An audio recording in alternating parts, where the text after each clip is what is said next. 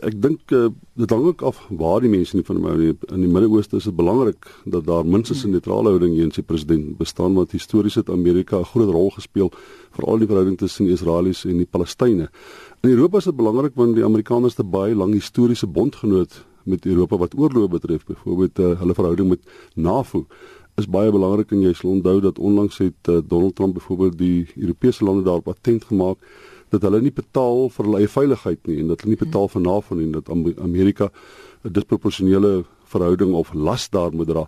Dit is alles dinge wat wat hom vervreem van sy historiese bondgenote en sy verhouding met Brittanje is ook nie wat dit moet wees nie. Gesien die Britte het ook hulle suspicious eens om in gegee met die feit dat tradisioneel het die Kanadese en die Britte baie goeie op minstens konstruktiewe persepsies van die Amerikaners gehad. Mm. Is dit nogal onrusbaar dink ek van die Amerikaanse punt uit? Ja, die Britte met die transatlantic verhouding, die spesiale vriendskap wat al vir jare bestaan. Ek wil vinnig kyk na die Duitsers. 86% van die Duitsers was ten gunste van uh, meneer Obama met net 11% wat dieselfde voel oor uh, Donald Trump en Angela Merkel het dan ook gesê dat Europa kan nie meer staat maak op hulle ou bondgenote nie. Dink jy die geopolitiek is nou besig om te verander met Washington se vervreemding van Londen waarna jy verwys het nou net en en Parys en Berlyn wat al hoe meer nader aan mekaar beweeg.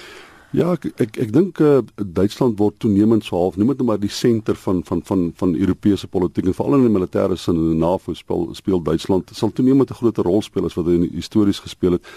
Maar uh, die die swak verhouding tussen uh, Trump en Merkel kom natuurlik van hulle ontmoeting ook, né, nee, mm. waar Trump geweier het om blad te skud met Merkel en ook die uitsprake wat hy op daai stadium gemaak het. Baie van die goed wat Trump gesê het, uh, sal miskien in uh sien maar vergaderings gesê word of in uh weet minstens uit die openbare oog uit. En Trump het 'n geneigtheid om goed in die openbare oog te sê, soos byvoorbeeld die die aanval wat hy op die NAVO-leiers uh, lande uh, geloods het. Het hy in die openbaar gedoen voor die media hy het dit op uh, weet as dit ware uh, probeer om, om 'n bepaalde politieke standpunt daaroor te maak vir vir die wêreldmening en die wêreldpubliek en die wêreldmedia en dit afronteer die mense geweldig. En in Europa self dink ek is daar toenemende gevoel dat vertroue is geweldig belangrik wanneer dit kom by internasionale verhoudings. Dis geweldig belangrik wanneer dit kom by noem dit maar beskerm van grense die militêre kapasiteit van lande. En kan jy hierdie persoon vertrou? En Trump het toenemend veral soos wat sy wet wetgewing in Amerika wanneer iets by tafel sit Obamacare of die verhouding met die Meksikane die muur wat gebou word wanneer hy daardie goed op die tafel sit en word deur sy eie party verwerp dan het dit wêreldwyd 'n geneigtheid veral in Europa waar leiers dan kyk So dit kan ons hom vertrou. Is dit moontlik wanneer hy 'n bepaalde punt maak of 'n onderneming aan ons maak, kan hy dit deurvoer deur die kongres? Dis baie belangrik dat dit wat in, in internasionale ooreenkomste gebeur, moet uiteindelik ook in wetgewing vervat word. En daar's groot vrae of Trump die vermoë het om die Amerikaanse kongres te oortuig om ooreenkomste wat hy met Europese leiers maak of met NAVO maak of hy dit deur die kongres kan kry. Kom ons gaan na ons eie kontinent toe Piet. In Afrika glo die Nigeriërs en die Ghanese dat hulle lande se verhouding met Trump gaan verbeter. Hoekom is hulle so optimisties? Dis dis altyd baie meer kompleks. Jy moet ook onthou die die die die manier waarop hierdie hierdie uh, meningsopnames gedoen word, moet 'n mens baie meer in detail bekyk indien jy wil spesifieke afleidings maak oor hoekom mense gesê het wat hulle gesê het. Maar in in in Afrika is uh, ironies genoeg is wat hulle noem die Amerikaanse soft culture, die uh, musiek, uh, die kultuur, die aspirasies om eendag uh, in Amerika te studeer, die aspirasies om te vir Amerikaans is baie baie sterk in Afrika. Dit kom ook baie sterk in Rusland voor en in Asië, dele van Asië. En daai soft culture ingesteldheid wat jy kry in baie lande, het 'n geneigtheid om 'n konstruktiewe of 'n positiewe interpretasie te maak van Amerikaanse politiek in die algemeen. Die ander ding is natuurlik dat in Afrika en in Rusland en dele van Suid-Amerika is die sogenaamde sterkman politieke kultuur is ook mm. beter gevestig. Jy sal sien baie van die lande waar daar 'n positiewe houding en ingesteldheid teenoor Trump is, is ook lande waar daar sterkman politiek bedryf word binne in daardie land. Soos byvoorbeeld Israel ook. Israel en Rusland is is hy meer gewild as sy voorganger. Israel en Rusland sê baie meer gewild as ooit tevore. Kom ons kyk na Indië met meneer Modi se besoek aan Washington is daar ook gefokus op Indië natuurlik. En daar het 40% van die respondente gesê hulle het wel vertroue in Trump in vergelyking met 58% se steun vir Obama se Obama meer gewild ook in Indië. Daar's nie baie waaroor Washington en New Delhi saamstem nie en die Parys Klimaatsberaad het dit weer na vore gebring. Ja, kyk, uh, baie van hulle uh, die komplekse verhouding tussen hulle te doen met handelsbande in die mate waartoe daar bepaalde voordeel daan is vir of vir Indië of vir uh, Amerika om om wel 'n konstruktiewe verhouding met mekaar te hê. Nou die Indiese ekonomie is nie noodwendig wat wees het ten spyte van die feit dat dit hoog groei en waarskynlik baie keer selfs beter doen as die Chinese ekonomie. Maar daar's 'n geweldige groot hoeveelheid baie baie arm mense in in in, in Indië en selfs die middelklas is laer middelklas mense.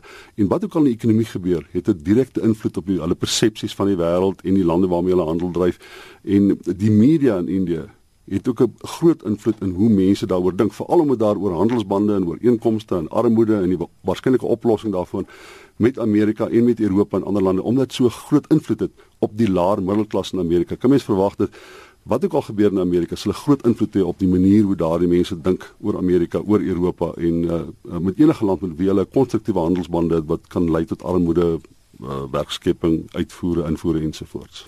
Jy het ook vlugtig verwys na Suid-Amerika. Pew se veldwerkers het bevind dat die Brasiliane en die Peruviane wat polities sentraal is, polities sentraal is versigtig vir Trump. Nou dit strook nie met bevindinge elders ter wêreld waar mense aan die linkerkant van die politieke spektrum niks van Trump hou nie. Hoekom dink jy is die prentjie anders in Peru en Brasilië? Hulle praat nie van uh, die Argentynë nie.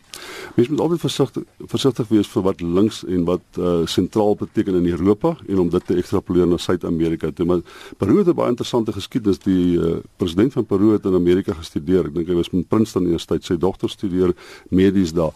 Hy was in Februarie dink ek was hy in Washington gewees en hy het 'n 'n gil ontvangs gehad van van uh, van uh, van uh, president Trump. En dis eintlik vir my verbasend dat die steun nie meer is nie omdat die president so positief ingestel is die president ook lank in New York gebly. So mm. positief mm. ingestel is uh, hier in Amerika. En hulle is natuurlik bure uh, uh met die Amerikaners, maar die belangrike ding is daar so 600 000 mense van Peru wat in Amerika bly. En hulle demografiese eienskappe, hulle sosio-ekonomiese status, hulle vlakke van onderwys en opleiding, hulle eiendomsbesit in Amerika is hoër as die sogenaamde Hispanics, met ander woorde die ander mense van Latyns-Amerika en korrespondeer baie goed met sê net maar wit Amerikaners.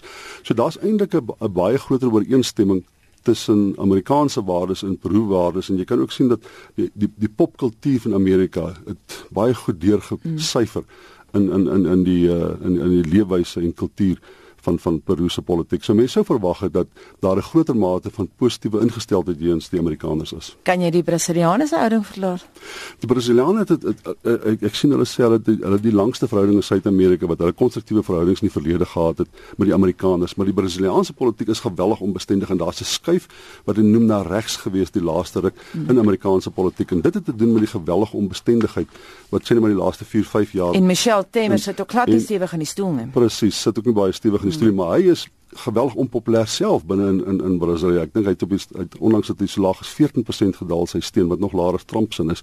So ek dink dit is baie moeilik om te bepaal hoekom die Brasiliane so dink, maar dit het te doen met hulle binnelandse politiek. Baie keer het die binnelandse politiek het 'n groot effek op hoe mense dink oor ander lande met wie Amerika verhoudinge is. Sê vir my, dink jy Trump stuur hom aan hierdie soort van uh bevindinge? Dink jy hy gaan sy kroeg en bar styl verander? Ek dink hy gesê dis fake news. Ek dink hy gaan um, soos alle meningsopnames wat teen hom gedraai is, hy sê maar kyk, uh, hulle het ook voorspel ek gaan dit nie maak in die Amerikaanse verkiesing nie en ek het uh, uiteindelik het ek dit redelik maklik en ver gewen. So uh, Trump het 'n geneigtheid om seker goed af te maak as as niks seggend en uh, dan natuurlik uh, die voordele wat hy daai het sal hy natuurlik gebruik vir sy eie uh, noem dit my identiteit en politiek in Amerika.